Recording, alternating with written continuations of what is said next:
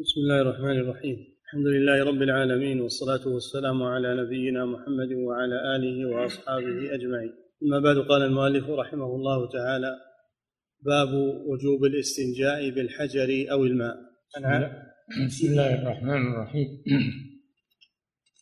الحمد لله رب العالمين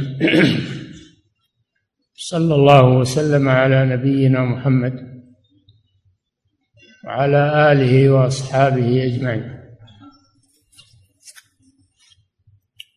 من شروط صحة الوضوء أن يسبقه إزالة لأثر الخارج من السبيلين. وذلك يكون بأحد أمرين إما بالماء وإما بال بالاستجمار بما يزيل الأثر وينشف المحل. لأن الأثر الذي يبقى على المخرجين نجس. فلا بد من إزالة أثر النجاسة. ولذلك عدوا الاستنجاء والاستجمار من شروط صحة الوضوء. فقالوا من شروطه استنجاء أو استجمار قبله في الحديث سيأتي اغسل ذكرك ثم توضأ. نعم. عن عائشة رضي الله عنها أن رسول الله صلى الله عليه وسلم قال إذا ذهب أحدكم إلى الغائط فليستطب بثلاثة أحجار فإنها تجزئ عنه. رواه أحمد والنسائي وأبو داود والدار قطني وقال إسناده صحيح حسن. في هذا الحديث أمر النبي صلى الله عليه وسلم أن الإنسان إذا خرج منه بول أو غائط فإنه يزيل أثره بالاستطابة الاستطابة هي الاستجمار بأن يمسح المخرج بالحجر حتى يزول حتى يزول الأثر. ولا يبقى رطوبة أو أثر من الخارج. ويكون ذلك بثلاثة أحجار على وتر ثلاثة أحجار. هذا هو الأصل. ولذلك يسمى ذلك بالاستجمار واستعمال الأحجار الجمار وهي الأحجار. ويقوم مقام الأحجار كل ما ينشف المحل من الأشياء سواء الطين القوي أو المناديل الخشنة أو غير ذلك مما يزيل الأثر وينشف المحل. هذا هو الاستجمار اشتراط ثلاثة الأحجار. قيل إنه شرط. لا بد يكون ثلاثة أحجار. وقيل المراد المسحات. يمسح ثلاث مرات. ولو بحجر واحد من جوانبه. فهل المراد لا بد من ثلاثة أحجار أو أن المراد ثلاث مسحات منقية. على قولين. وهنا يقول يستطب بثلاثة أحجار. نعم. وعن ابن عباس رضي الله عنهما أن النبي صلى الله عليه وسلم مر بقبرين. فقال إنهما يعذبان وما يعذبان في كبير أما أحدهما فكان لا يستتر من بوله وأما الآخر فكان يمشي بالنميمة. رواه الجماعة في رواية للبخاري والنسائي وما يعذبان في وما يعذبان في كبير. ثم قال بلى كان أحدهما وذكر الحديث. وعن أنس رضي الله عنه عن النبي صلى الله عليه وسلم قال تنزهوا من البول فإن عامة عذاب القبر منه. رواه الدار قطني. نعم. هذا الحديث في روا... برواياته فيه أن النبي صلى الله عليه وسلم مر بقبرين فقال إنهما ليعذبان وهذا مما أطلعه الله عليه من معجزاته صلى الله عليه وسلم. فإن أحدا لا يطلع على ما في القبر من نعيم أو عذاب. ولكن الله أطلع رسوله صلى الله عليه وسلم على ذلك. فهذا فيه دليل على ثبوت عذاب القبر. وهو ثابت بالسنة المتواترة عن الرسول صلى الله عليه وسلم ولا ينكره إلا المعتزلة. الذين يعتمدون على عقولهم ويقولون لو حفرنا الميت لوجدناه كما وضعناه ما فيه نعيم ولا ولا فيه عذاب. كذا يقولون. ويقال لهم هذا من أمور الغيب التي لا يعلمها إلا الله سبحانه وتعالى. فقد تراه تظن أنه لا يعذب بينما هو يعذب بأشد العذاب. وأنت لا تدري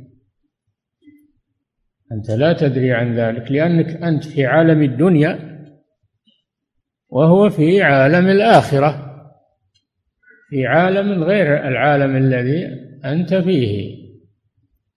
وهذا من آيات الله سبحانه وتعالى من آيات الله.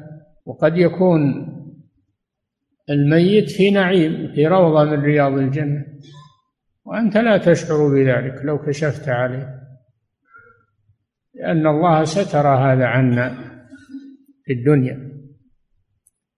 أما الرسول صلى الله عليه وسلم فإن الله يطلعه على ما يشاء من علم الغيب. عالم الغيب فلا يظهر على غيبه أحدا إلا أن ارتضى من رسول. فهذا مما أطلع الله نبيه عليه. وعذاب القبر ثابت. السنة المتواترة. وبأدلة من القرآن كما في قوله تعالى ولنذيقنهم من العذاب الأدنى دون العذاب الأكبر لعلهم يرجعون. قالوا هذا عذاب القبر. العذاب الأدنى هو عذاب القبر. الله أعلم. بقوله عن آل فرعون النار يعرضون عليها غدوا وعشيا ويوم تقوم الساعة أدخلوا آل فرعون أشد العذاب. النار يعرضون عليها غدوا وعشيا هذا قبل البعث هذا في القبر. ويوم القيامة يقال للملائكة أدخلوا آل فرعون أشد العذاب. الحاصل أنه لا ينكر عذاب القبر إلا أهل الضلال الذين يعتمدون على عقولهم نعم. هذه مسألة. مسألة إثبات عذاب القبر.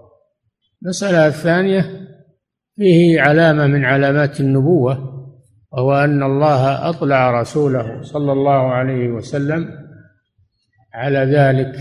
المسألة الثالثة وهي التي ساق المؤلف الحديث من أجلها وجوب تنزه من البول. وجوب التنزه من البول وذلك بالاستنجاء أو بالاستجمار. وفي قوله استنزهوا من البول فإن عامة عذاب القبر منه. هذا دليل على عذاب القبر دليل على أن سبب أن سبب عذاب القبر يعني عذاب القبر له أسباب كثيرة لكن منها عدم التنزه من البول. هذا محل الشاهد من الحديث. في رواية لا يستبرئ من بوله. في رواية لا يستتر من بوله. فالبول يحتاج إلى عناية لئلا يصيب الإنسان من رشاشه كما سبق وكذلك يجب تنشيف المخرج بعد البول وعدم تركه رطبا فإن فإنه إذا لم إذا لم ينزه المحل فإن البول يبقى أثره نجاسة في بدنه. وأما قوله وما يعذبان في كبير ليس معناه أنه ليس كبير الإثم ولكن معناه أنه ليس شاقا عليهما. ليس شاقا عليهما يكبر عليهما التحرز منه. ولذلك قال بلى إنه كبير كبير من حيث الإثم. وليس كبيرا من حيث تحرز تحرز منه. والسبب الثاني من أسباب عذاب القبر النميمة وهي الوشاية بين الناس بنقل الحديث على وجه التحريش بينهم والإفساد بينهم. هذه مهمة النمام أنه يفسد بين الناس بنقل حديث بعضهم إلى في بعض. يذهب إلى شخص ويقول فلان يقول فيك كذا وكذا ويذهب إلى الثاني ويقول فلان يقول فيك كذا وكذا. ثم تحدث العداوة والعياذ بالله بسبب هذا النمام. ولا تطع كل حلاف مهين هماز مشاء بنميم مشاء بنميم. ونم الحديث هو نقله نقله والنميمة من أنواع السحر.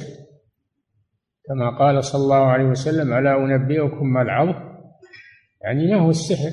العظ هو السحر. ألا أنبئكم ما العظ؟ هي النميمة القالة بين الناس. وذلك لأن النميمة تفسد بين الناس كما يفسد السحر. السحر يفسد بين الناس. يلقي العداوة بينهم يبغض بعضهم إلى بعض. يتعلمون منهما ما يفرقون به بين المرء وزوجه. فالنميمة نوع من السحر من حيث التأثير والإفساد بل هي أشد من السحر. ولهذا قالوا يفسد النمام في ساعة ما لا يفسده الساحر في سنة.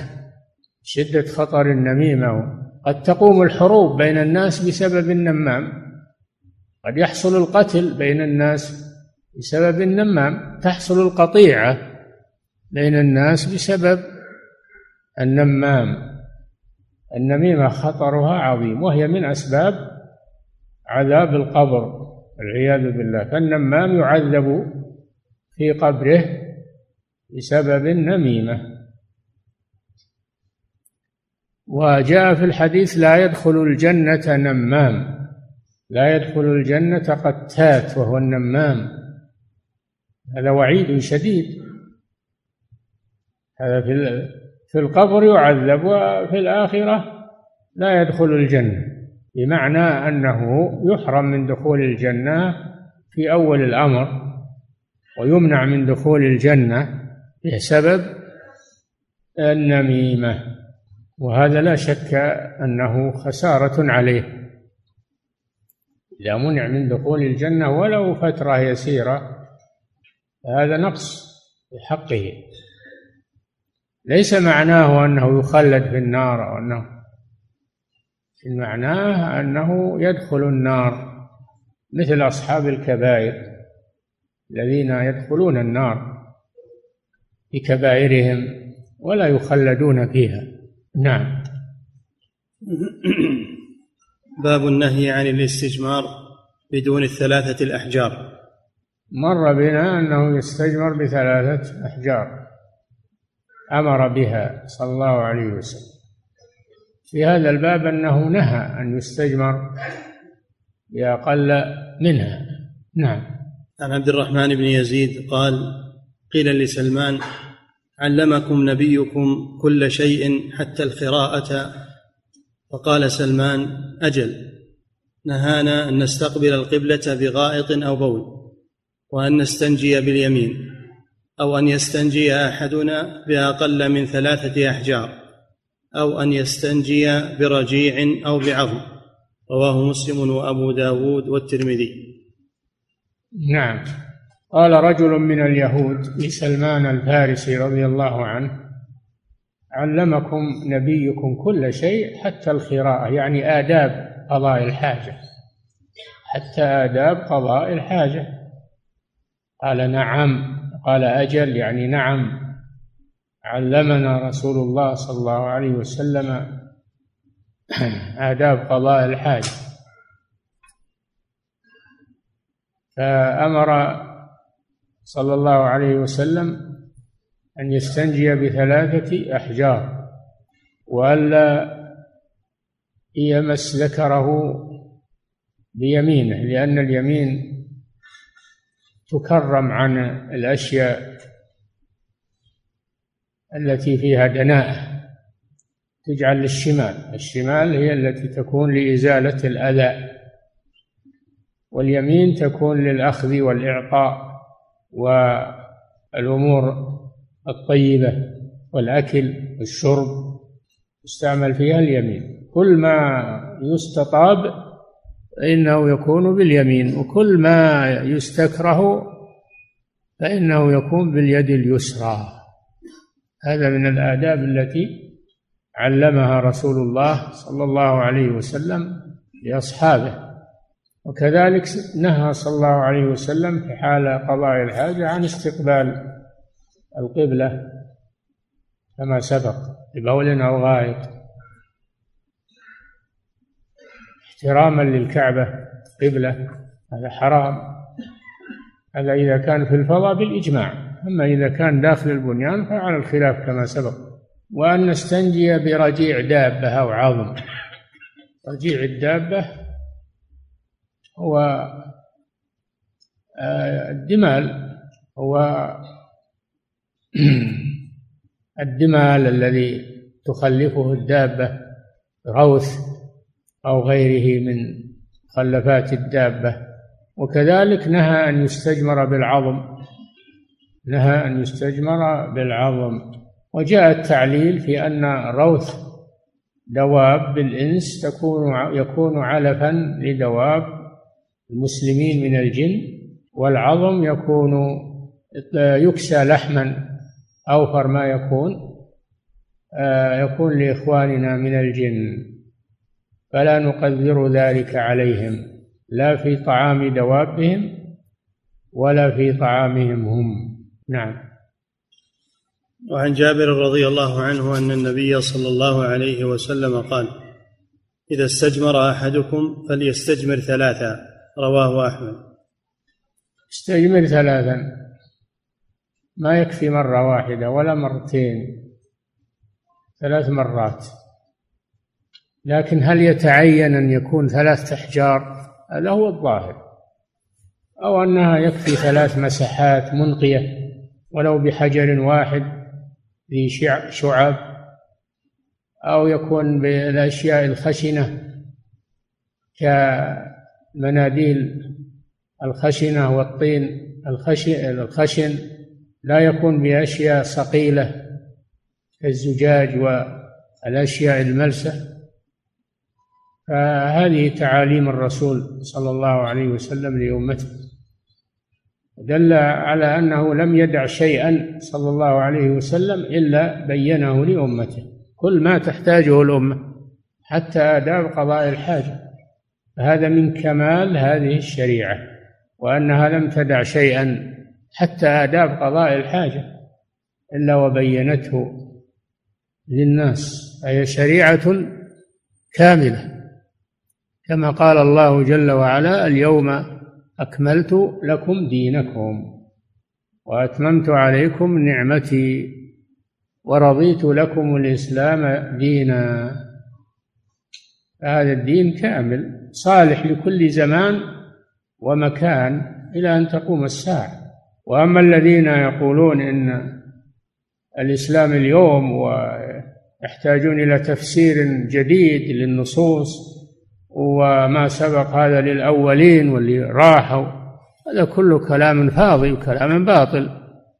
الشريعة للأولين والآخرين وهي كفيلة بمصالح العباد. في كل الأزمان وفي كل الأمكنة لأنها شريعة كاملة شهد الله لها بالكمال وهذا أيضا يرد على المبتدعة الذين يأتون بعبادات لم يشرعها الله. فهم يزيدون على هذا الدين ما ليس منه.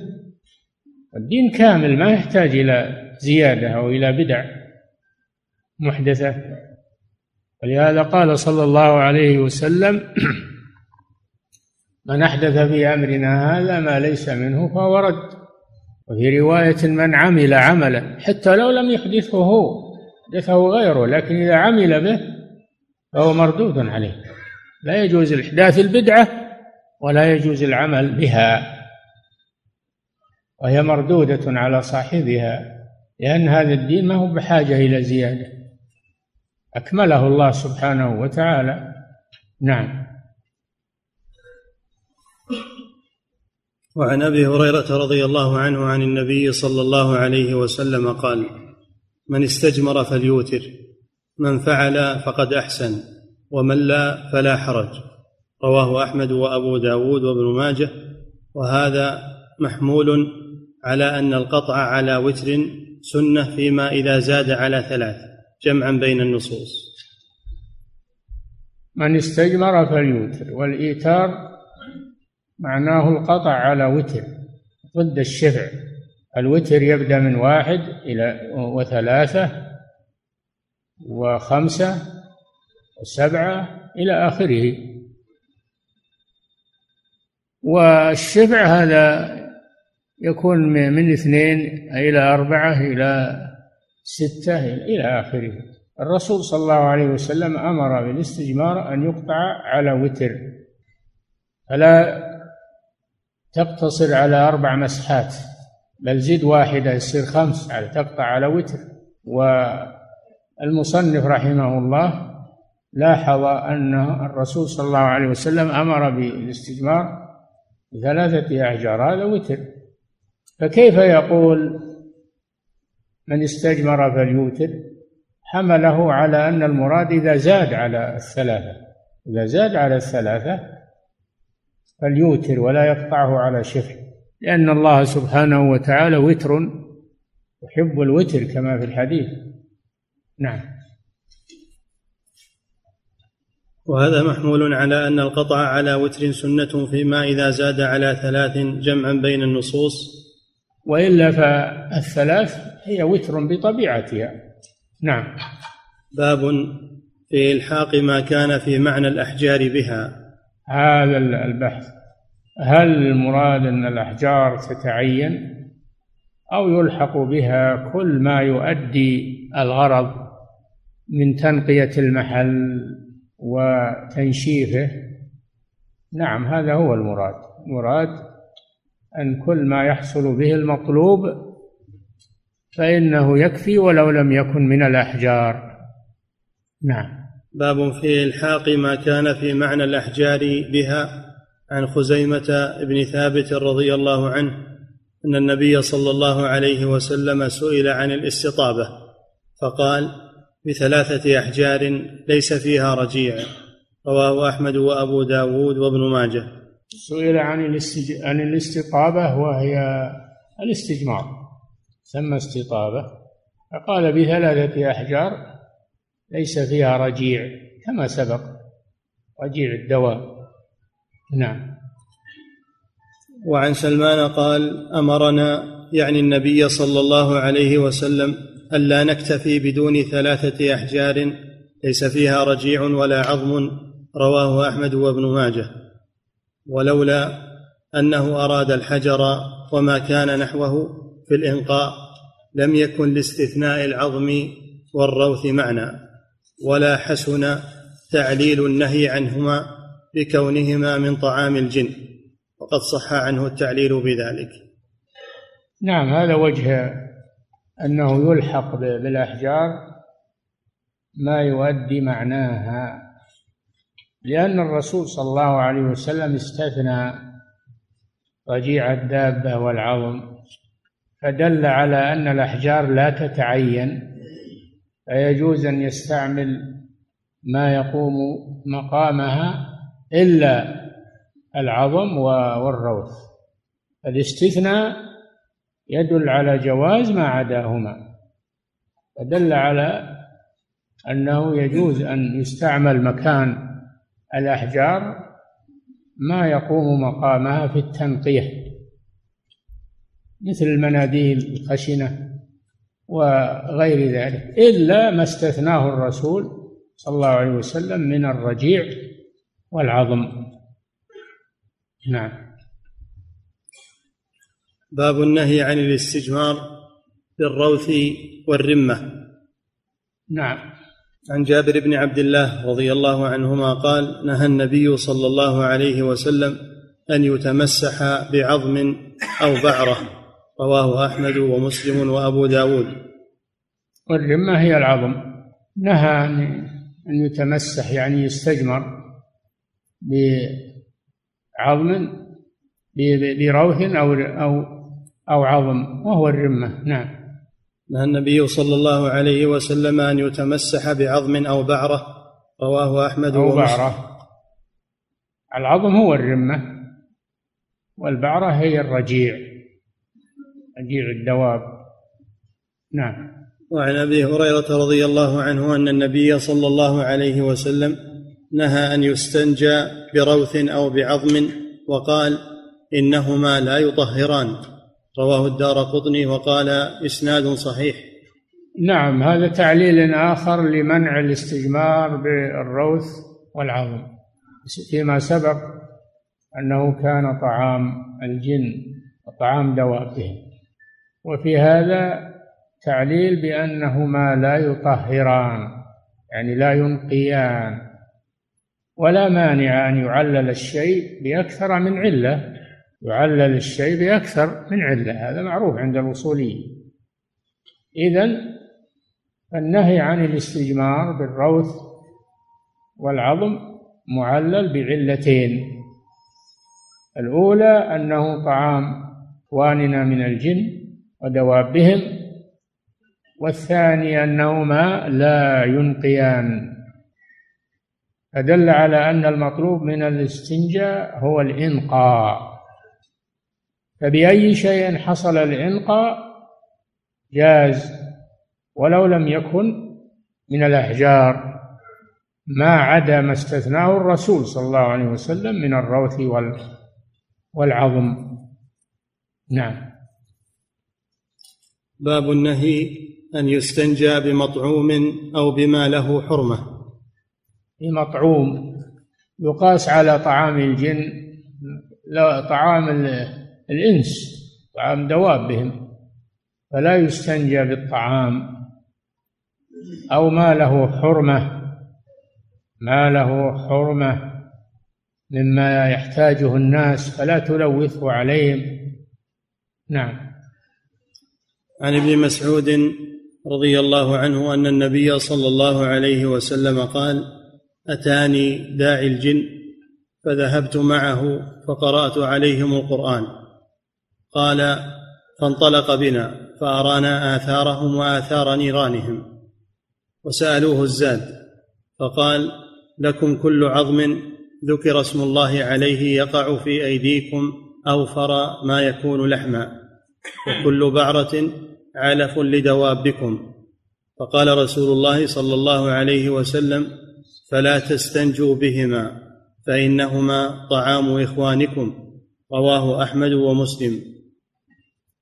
مسلم الجن طلبوا من الرسول صلى الله عليه وسلم أن يجلس معهم أن يذهب معهم لتعليمهم دين الإسلام. فأجابهم النبي صلى الله عليه وسلم وذهب معهم وعلمهم ما أشكل عليهم من هذا الدين وسألوا الرسول صلى الله عليه وسلم الطعام. سألوه أن أو أن يبين لهم الطعام الحلال يكون لهم. فقال لكم كل عظم كل عظم يجعل الله عليه أوفر ما يكون من اللحم والله على كل شيء قدير.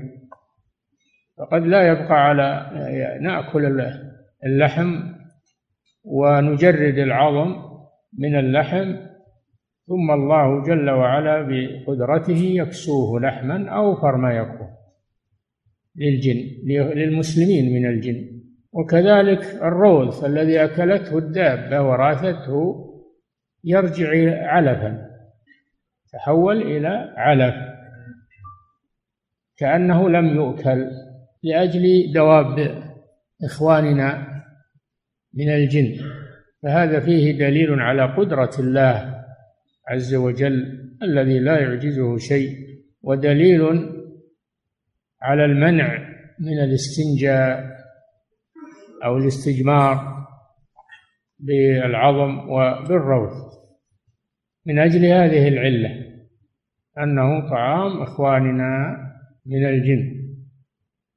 كما دل الحديث أيضا على عموم رسالته صلى الله عليه وسلم للثقلين الجن والإنس. نعم. وفيه تنبيه على النهي عن إطعام الدواب النجاسة. نعم هذا فيه تنبيه إشارة إلى أنه لا لا يجوز أن نطعم دوابنا. الشيء النجس. إذا كان إذا كان إخواننا من الجن لا نلوث عليهم العظام والروث لأنها تنجيس فكذلك لا نطعم دوابنا الشيء المتنجس أو النجاسة. ولهذا نهى صلى الله عليه وسلم عن أكل لحوم الجلالة وشرب ألبانها حتى تحبس وتطعم الطاهر ثلاثة أيام. والجلالة هي التي تأكل العذرات من البقر أو الغنم فلا يجوز لنا أن نشرب لبنها ولا نأكل لحمها حتى تحبس تطعم الطاهر. فيزول ما بها من نجاسة.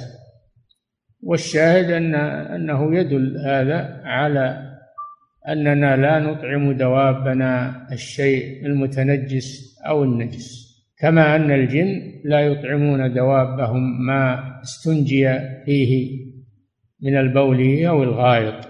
نعم. وعن أبي هريرة رضي الله عنه أنه كان يحمل مع النبي صلى الله عليه وسلم إداوة لوضوئه وحاجته فبينما هو يتبعه بها قال من هذا؟ قلت أنا أبو هريرة. فقال ابغني أحجارا أستنفض بها ولا تأتني بعظم ابغني؟ ابغني أحجارا أستنفض بها. أس؟ أستنفض. نعم. أستنفض بها ولا تأتني بعظم ولا بروثة. فأتيته بأحجار أحملها في طرف في طرف ثوبي حتى وضعت إلى جنبه ثم انصرفت. حتى إذا فرغ مشيت فقلت ما بال العظم والروثة؟ قال هما من طعام الجن وإنه أتاني وفد جني نص نصيبين. نصيبين. نعم. وفد جني نصيبين ونعم الجن. فسألوني الزاد فدعوت الله لهم أن لا يمروا بعظم ولا بروثة إلا وجدوا عليها طعاما. رواه البخاري. نعم هذا كما سبق في الأحاديث أنه لا يجوز الاستنجاء بالعظم ولا ولا بالروثة. والعلة أنهما طعام إخواننا من الجن. وفيه خدمة أهل الفضل خدمة أهل الفضل من العلماء وغيرهم من أهل الفضل في الإسلام وأن هذا شرف للخادم وأجر أجر له. فهذا أبو هريرة جاء يخدم النبي صلى الله عليه وسلم. لما ذهب النبي صلى الله عليه وسلم لقضاء حاجته تبعه أبو هريرة ليخدمه. سأل من هذا؟ قال أبو هريرة رضي الله عنه. فأمره النبي صلى الله عليه وسلم أن يأتيه بثلاثة أحجار. أو بأحجار ليس فيها عظم ولا روث. فجاء بها ووضعها بجانب النبي صلى الله عليه وسلم وهو يقضي حاجته فلما فرغ استعملها صلى الله عليه وسلم. ثم أخبر أن الجن من أهل نصيبين اسم موضع أو اسم بلد في العراق جاءوا إلى النبي صلى الله عليه وسلم من أجل أن يعلمهم دين الإسلام. وسألوه الزاد فقال لكم كل عظم يكسوه الله أوفر ما كان من اللحم والروث يتحول إلى علف لدوابكم. فلا نلوث العظام بأن نستجمر بها أو نلوث الروث بأن نستجمر به. نعم. ودل بتنبيهه على أن كل طعام سواء للجن أو للإنس لا يجوز تلويثه. وإفساده على من يستعمله. نعم.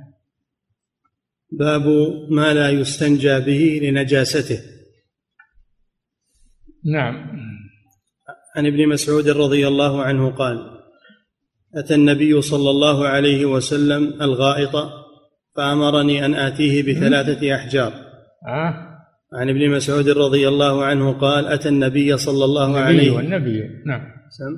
النبي عن ابن مسعود رضي الله عنه قال أتى النبي صلى الله عليه وسلم الغائط. يعني المكان المنخفض. يعني ذهب إلى المكان المنخفض ليقضي حاجته. الغائط هو المكان المنخفض. نعم.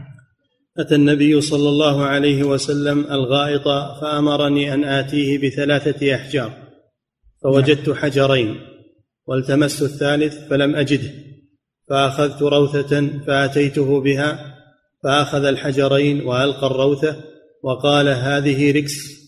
رواه أحمد والبخاري والترمذي والنسائي وابن ماجه وزاد فيه أحمد في رواية له ائتني بحجر. يعني بدلا منها.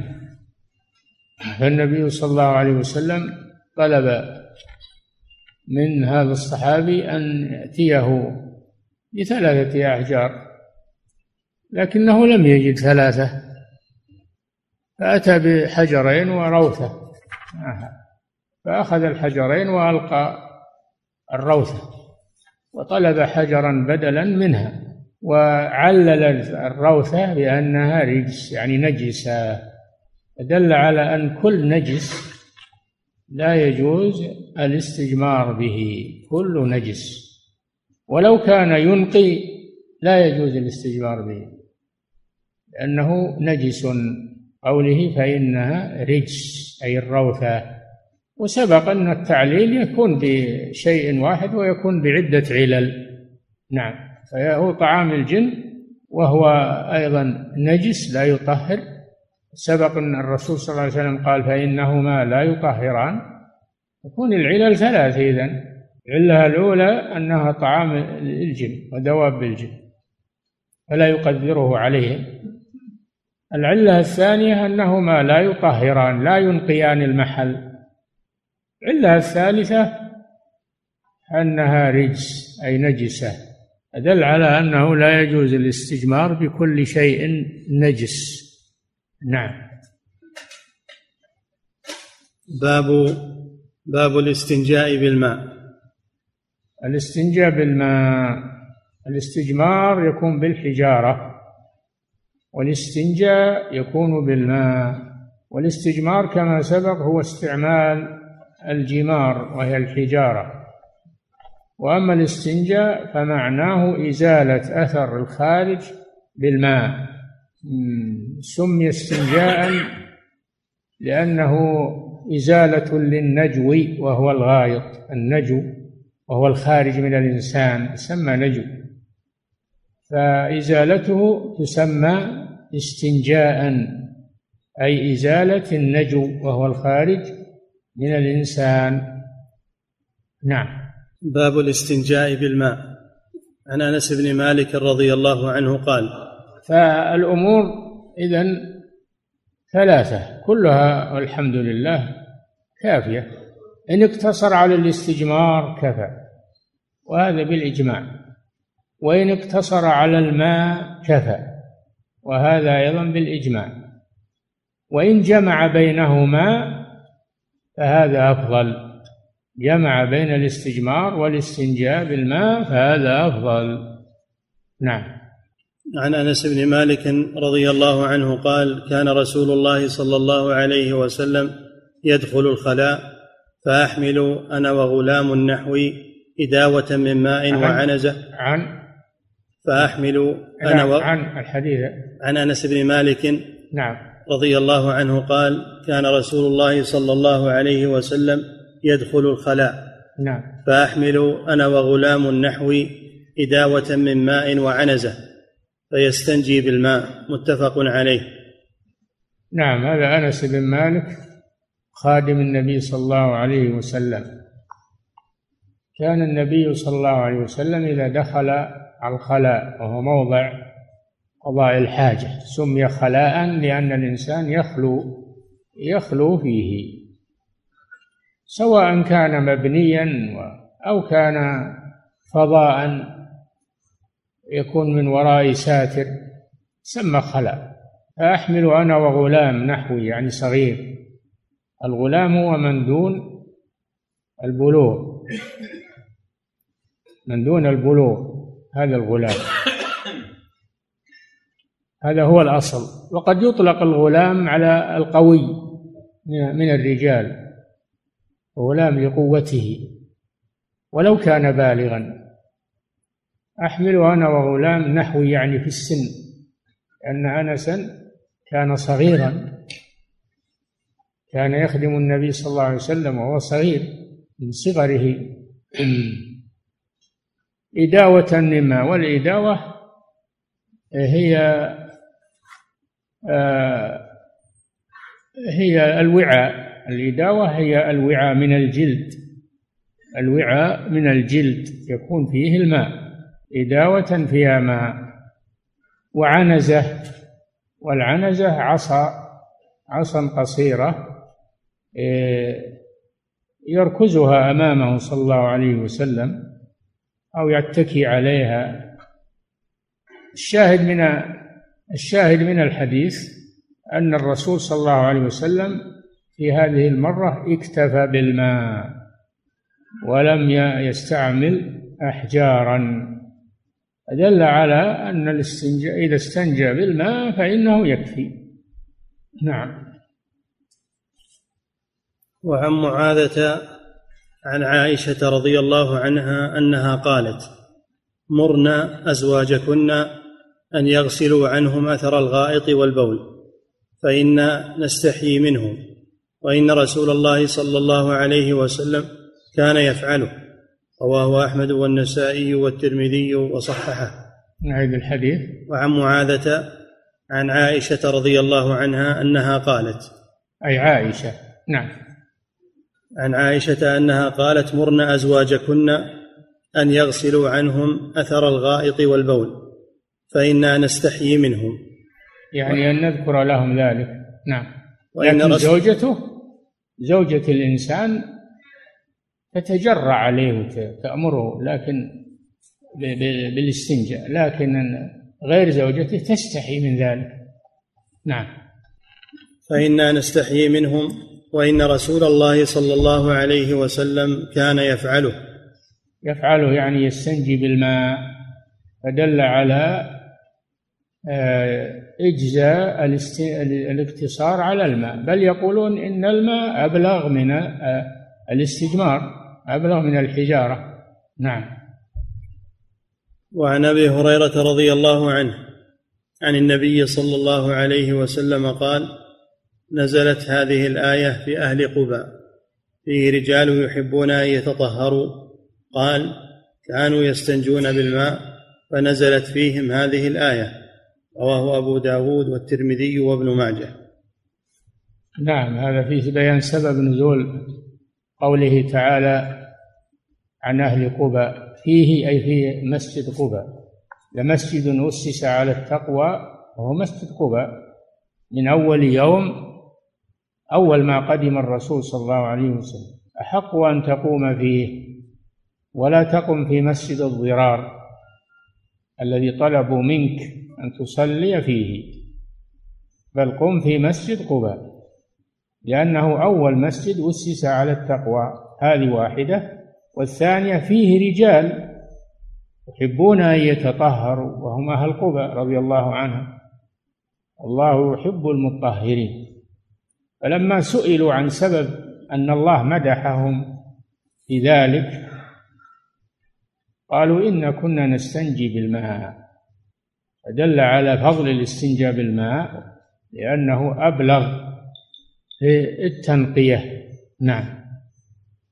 فكان رسول الله صلى الله عليه وسلم بعدما نزلت عليه هذه الآية يذهب إلى مسجد قباء كل يوم سبت ويصلي فيه راكبا وماشيا. دل على استحباب زيارة مسجد قباء. والصلاة فيه لمن كان في المدينة من أهلها أو من القادمين عليها. نعم. ولا يزال المسلمون يزورونه ويصلون فيه عملا بالسنة. نعم. باب وجوب تقدمة الاستنجاء على الوضوء.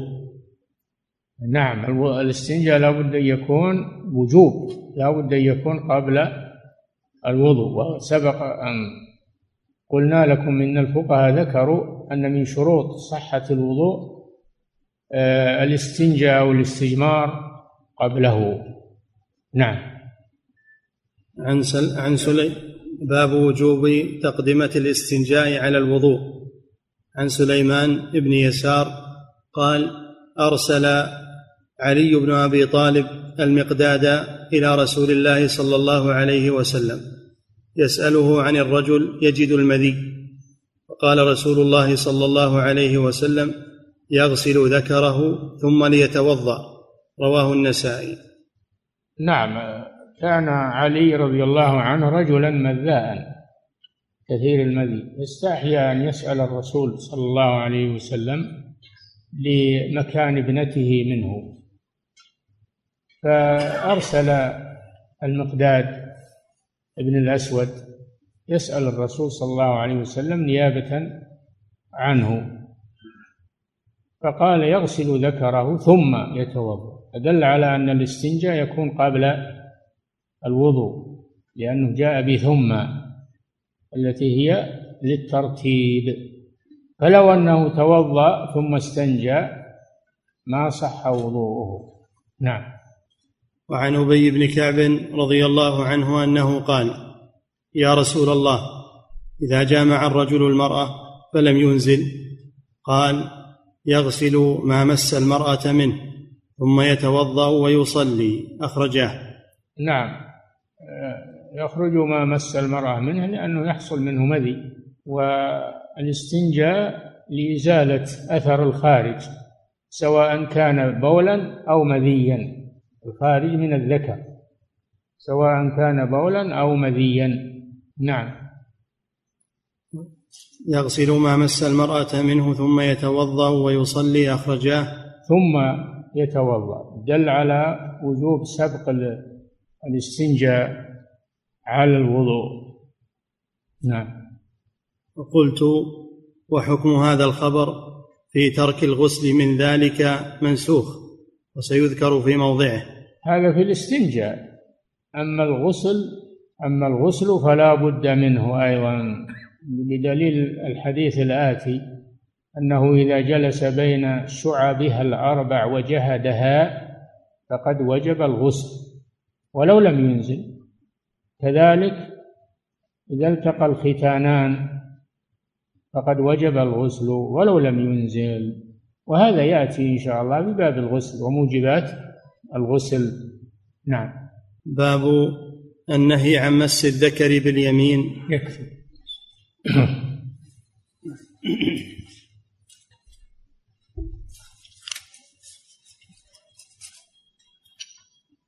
يقول فضيلة الشيخ وفقكم الله هل من الآداب عند قضاء الحاجة أن يدفن المرء حاجته بالتراب أو لا يجب عليه ذلك؟ هل؟ هل من الآداب أن يدفن المرء حاجته بالتراب أو لا يجب عليه ذلك. نعم أحسن هذا أحسن. أنه يدفن حاجته بالتراب إن هذا من النظافة وإزالة الأذى والروائح عن الناس. نعم هذا من الآداب. نعم. يقول فضيلة الشيخ وفقكم الله إذا استنجى الشخص فهل يجب عليه إذا أراد أن يتوضأ بعد ذلك أن يغسل المحل؟ إذا استنجى الشخص ثم أراد أن يتوضأ بعد ذلك فهل يجب عليه أن يغسل المحل؟ لا. إذا استنجى مرة يكفي هذا. ولا يكرر الاستنجاء مع كل وضوء لأنه لا حاجة إليه. الاستنجاء والإستجمار عند قضاء الحاجة فقط. أما إذا لم يقضي حاجة ولم يخرج منه شيء يكفي الوضوء. نعم. لأن الاستنجاء ليس من الوضوء وإنما هو من إزالة النجاسة. نعم. يقول فضيلة الشيخ وفقكم الله عند الاستنجاء وغسل الفرج هل يكفي غسل مخرج البول فقط أو لا بد من غسل الحشفة كاملة أو غسل الذكر من أصله؟ المذي ورد أنه يغسل ذكره كله وأما البول فيكفي غسل المخرج إلا إذا تطاير بول أو انتشر بول على الحشفة لا بد من غسلها. نعم. يقول فضيلة الشيخ وفقكم الله ذكر بعض أهل العلم أن ثلاث مسحات أنها مجزئة ولو كانت بحجر واحد. نعم. فهل هذا يكفي للبول والغائط فيكون بحجر واحد لهما؟ يكفي. لا ما هو بلهما. ما هو بلهما. يكفي لأحدهما أنه يمسح البول ثلاث مرات ويكفي بحجر ولا يعيد الحجر مرة ثانية ويمسح الدبر به مرة ثانية. لا. حجر آخر. نعم. يقول فضيلة الشيخ وفقكم الله هل يجزئ تنظيف المخرج بغير الماء من السوائل الأخرى كأن ينظفه بالشاي أو بعطر سائل أو غير ذلك؟ الشاي؟ نعم. الشاي ما يجوز هذا حرام لأنه يشرب ويستعمل. سبق لكم أن أن ما كان يطعم لا يجوز أن يستجمر به. الشاي يطعم يعني يشرب. غذاء. لا يجوز. ولا يجوز ولا يكفي السائل من غير الماء. لا يكفي السوائل من غير الماء لأن الله جعل الماء لنا طهورا فلا يقوم مقامه غيره. إنما تقوم الحجارة مقامه. الدلك دلك النعل بالأرض يقوم مقام الماء في أشياء خاصة وإلا الأصل الماء. إلا ما ورد الدليل أنه يكفي عنه غيره مثل مسح النعل مثل آه الاستنجاء والاستجمار يكفي عن الماء. ما ما لم يرد فيه دليل فالأصل الماء. نعم. يقول فضيلة الشيخ وفقكم الله أخذنا في درس ماض في تطهير الأرض النجسة أنها تغمر بالماء فهل الفرش إذا كان بالمسجد إذا أصابه نجاسة يكفي صب الماء عليه فقط؟ لا الفرش يمكن نقله. الفرش يمكن نقلها وغسلها كغيرها بالعصر وبال الذي لا يمكن نقله مثل البلاط مثل الأرضية التراب هذا اللي يكفي أن يغامر بالماء. الذي لا يمكن نقله. نعم. يقول فضيلة الشيخ وفقكم الله بعض الأحيان تكون المر المراحيض وسخة ولا أستطيع الجلوس عليها فأتبول واقفا فيصيبني بعض رشاش البول. فهل علي شيء في ذلك؟ يجب عليك غسل الرشاش. مع تراش البول عليه يجب عليك غسله. وليس عليك شيء إذا كان بدون قصد وبدون اختيارك. ليس عليك شيء لكن تغسله. لأنه نجس. نعم. يقول فضيلة الشيخ وفقكم الله هل التراب يجزئ في الاستجمار بحيث يأخذ الشخص؟ لا. التراب لا يجزي بالاستجمار لأنه يزيد يزيد تلوث تلوثا. نعم. يقول فضيلة الشيخ وفقكم الله في قول النبي صلى الله عليه وسلم وما يعذبان في كبير سمعت أن معناه أي وما يعذبان في كبير في نظر الناس. هل هذا تفسير صحيح؟ نعم قال بعض العلماء هذا. ولكن الظاهر والله أعلم كبير يعني درءه وتوقيه. نعم. ليس شاقا عليهما أن يتوقوا نعم. يقول فضيلة الشيخ وفقكم الله هل من النميمة أن أذهب لفلان؟ وأخبره بما قال فيه الآخر لكي يحذر منه. إذا كان هذا من باب النصيحة إذا كان هذا من باب النصيحة فلا بأس بذلك لأن ما قصدك الإفساد إنما قصدك النصيحة والإصلاح. نعم. هذا الذي يظهر لي والله أعلم. نعم. يقول فضيلة الشيخ وفقكم الله يقول السائل إذا لم أستطع التنزه من البول وذلك لوجود مرض حيث يقول إنه يتبول وإذا قام وذهب حوالي ربع ساعة يحس بقطرات تخرج منه. يقول أحيانا أضع مناديل تكون حاجزة وقد شق علي ذلك فهل آخذ بقاعدة المشقة تجلب التيسير؟ أولا قد يكون هذا من باب الوسواس. خيل إليك أنك يخرج منك شيء وهو ما خرج شيء. الشيطان يريد أن يلبس عليك ويشق عليك. فتأكد. ثانيا إذا تأكدت أنه خرج منك شيء فإن كان هذا باستمرار فهذا حدث دائم. عليك بالاستنجاء عندما تريد الصلاة. تستنجي تضع شيء حائل على الذكر تتوضأ وتصلي في الحال. أما إذا كان ما هو بشيء دايم إنما يأتي بعض الأحيان فلا بد من الاستنجاء. نعم. يقول فضيلة الشيخ وفقكم الله في قوله صلى الله عليه وسلم فإن عامة عذاب القبر منه. هل المراد أن كل عذاب القبر منه؟ عامة عامة يعني أكثر أكثر عذاب القبر وإلا هناك أسباب أخرى لعذاب القبر. نعم. يقول فضيلة الشيخ وفقكم الله هل الروث والعظام يكون طعاما لإخواننا الجن من المسلمين فقط أم هو عام لكل الجن؟ الجن الكفار ما علينا منهم ولا ولا هم يتغذون بالنجس والعياذ بالله النجاسات. لكن المسلمون لا يتحرجون من النجاسات يتحرجون من الخبائث انهم مسلمون.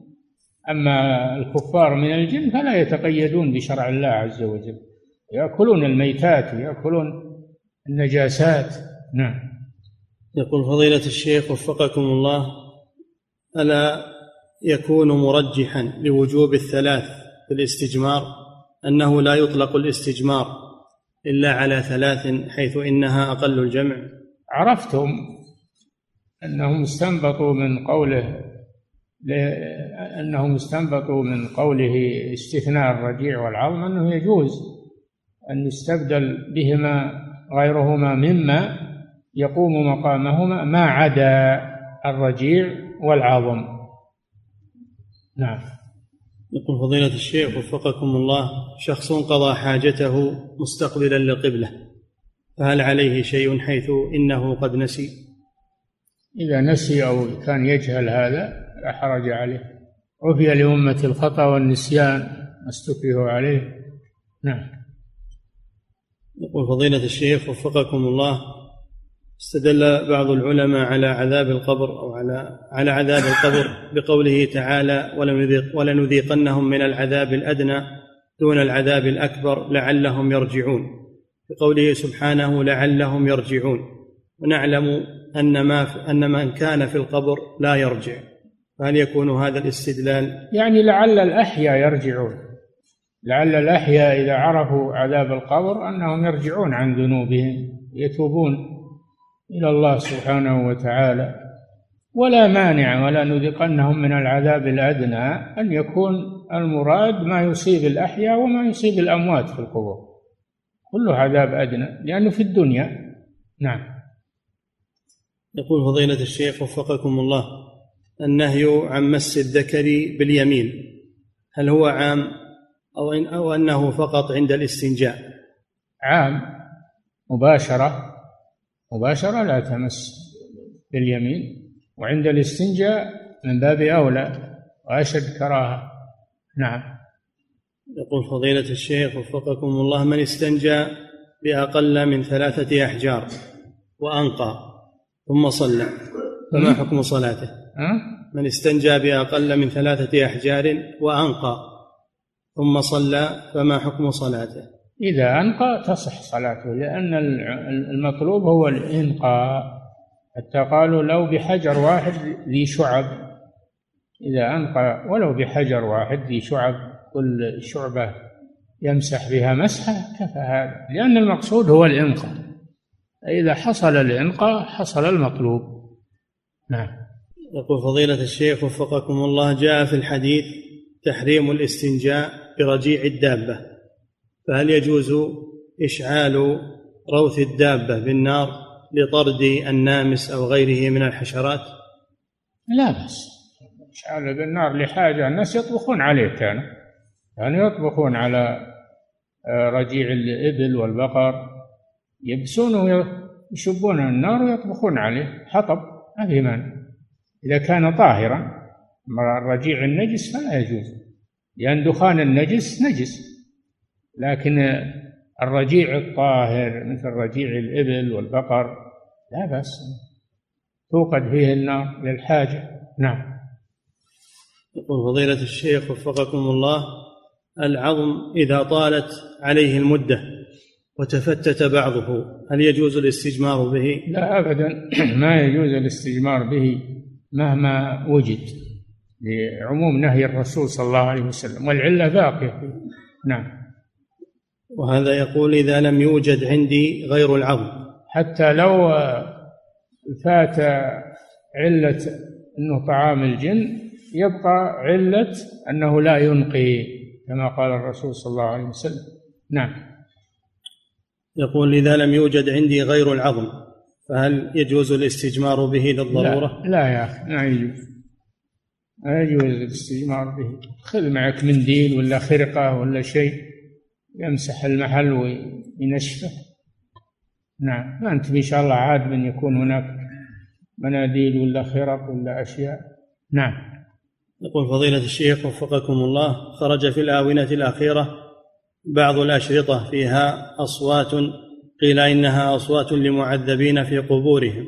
استدلوا على ذلك برأي لشيخ الإسلام ابن تيمية أن الله سبحانه قد يطلع بعض خلقه على عذاب القبر.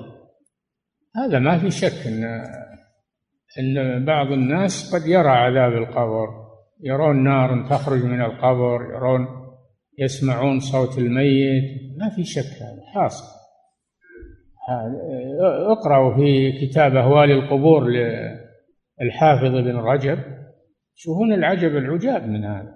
فلا فلا مانع ان إن إن الأحياء قد يشعرون بعذاب القبر يشوفون علامات والعياذ بالله يشاهدونه لأجل العظة تذكير. أما الشريط اللي تقول؟ هذا راح يسجله بالقبر. أحد داخل بالقبر يسجل أو داخل القبور. خرافة وفرية. نعم. يقول فضيلة الشيخ وفقكم الله هل لا بد من الاستنجاء قبل غسل الجنابة؟ ها؟ هل لا بد من الاستنجاء قبل غسل الجنابة؟ نعم لا بد. قبل أن يشرع في الاغتسال يستنجي ويغسل ما لوثه للجماع كما كان النبي صلى الله عليه وسلم يفعل ذلك.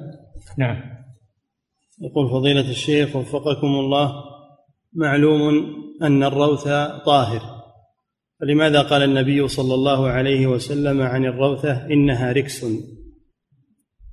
روثة ما ما لا يؤكل لحمه روثة الحمار روثة كل ما لا يؤكل لحمه فهو نجس. نعم.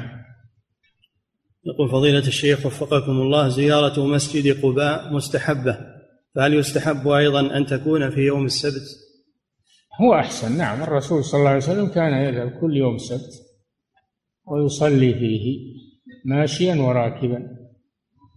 وإذا ما تيسر لك إلا يوم الأحد أو يوم الخميس أو أو الجمعة ما في مانع. حسب ما يتيسر لك. نعم. يقول فضيلة الشيخ وفقكم الله هل ورد أن الصلاة في مسجد قباء تعدل عمرة؟ نعم نعم ورد. ورد أنها تعدل عمرة. هذا فضل عظيم. نعم. يقول فضيلة الشيخ وفقكم الله في قوله سبحانه لمسجد أسس على التقوى من أول يوم أحق أن تقوم فيه. هل تدل هذه الآية على التفاضل بين المساجد وأن المسجد العتيق ومسجد الجمعة والمسجد الذي فيه أهل العلم والتقوى أفضل في الصلاة فيه؟ ما في شك المساجد تتفاضل. القديم أفضل من الجديد الأكثر جماعة.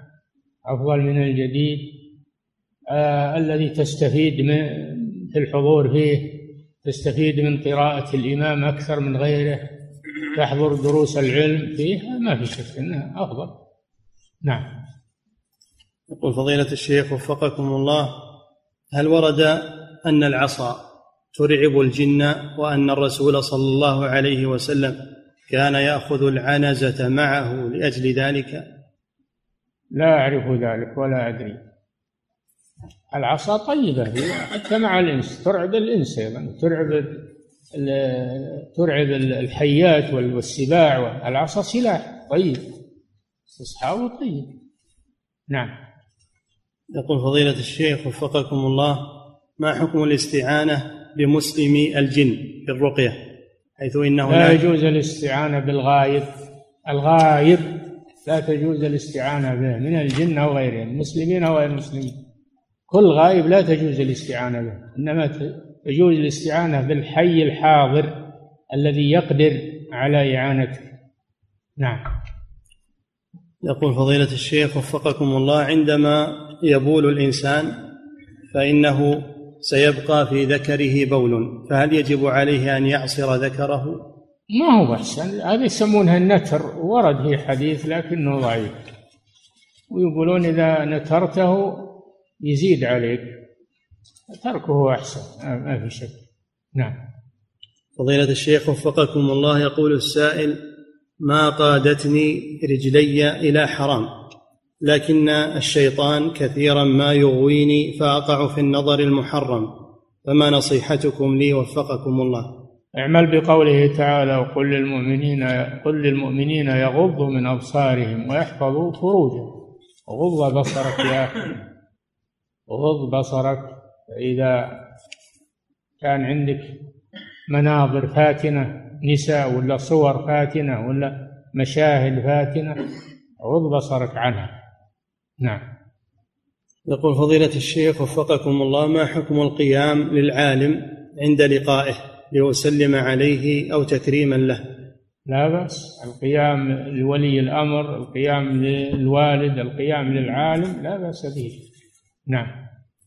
يقول فضيلة الشيخ وفقكم الله يقول نحن مدرسون نصلي مع الطلاب صلاة الظهر داخل المدرسة ثم بعد خروجنا نذهب إلى المسجد لإدراك صلاة الظهر مع الجماعة في المسجد القريب الذي بجوار مدرستنا.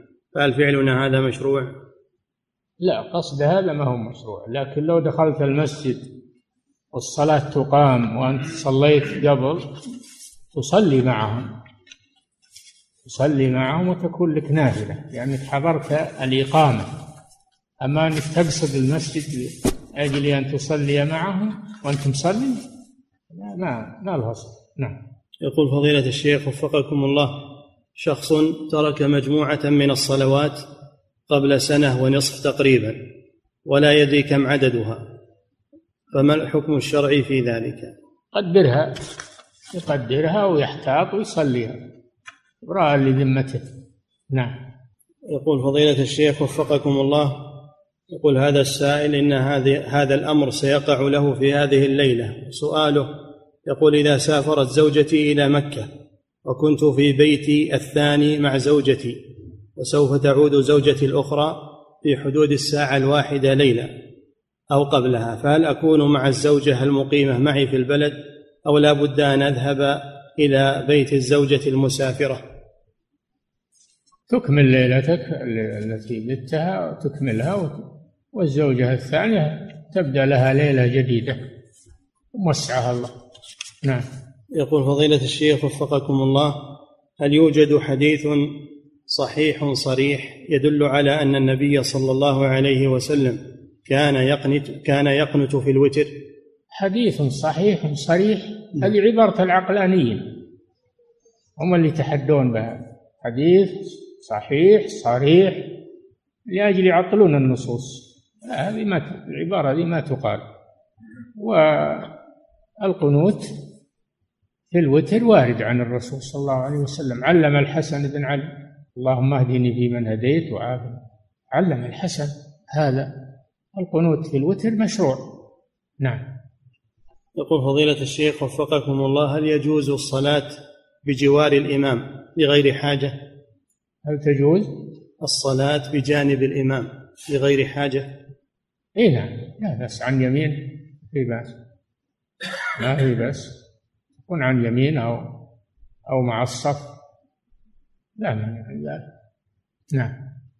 يقول فضيلة الشيخ وفقكم الله عند قول الإمام استووا واستقيموا يقول بعض المأمومين إن شاء الله. فهل لذلك أصل؟ لا. لا ما نص نعم. ويقول وما حكم قول بعض المأمومين عندما يكبر الإمام تكبيرة الإحرام؟ يقولون سمعنا وأطعنا وبحق الله اتبعنا. كل هذا زيادة منهم وابتداع منهم ولا يجوز هذا. نعم.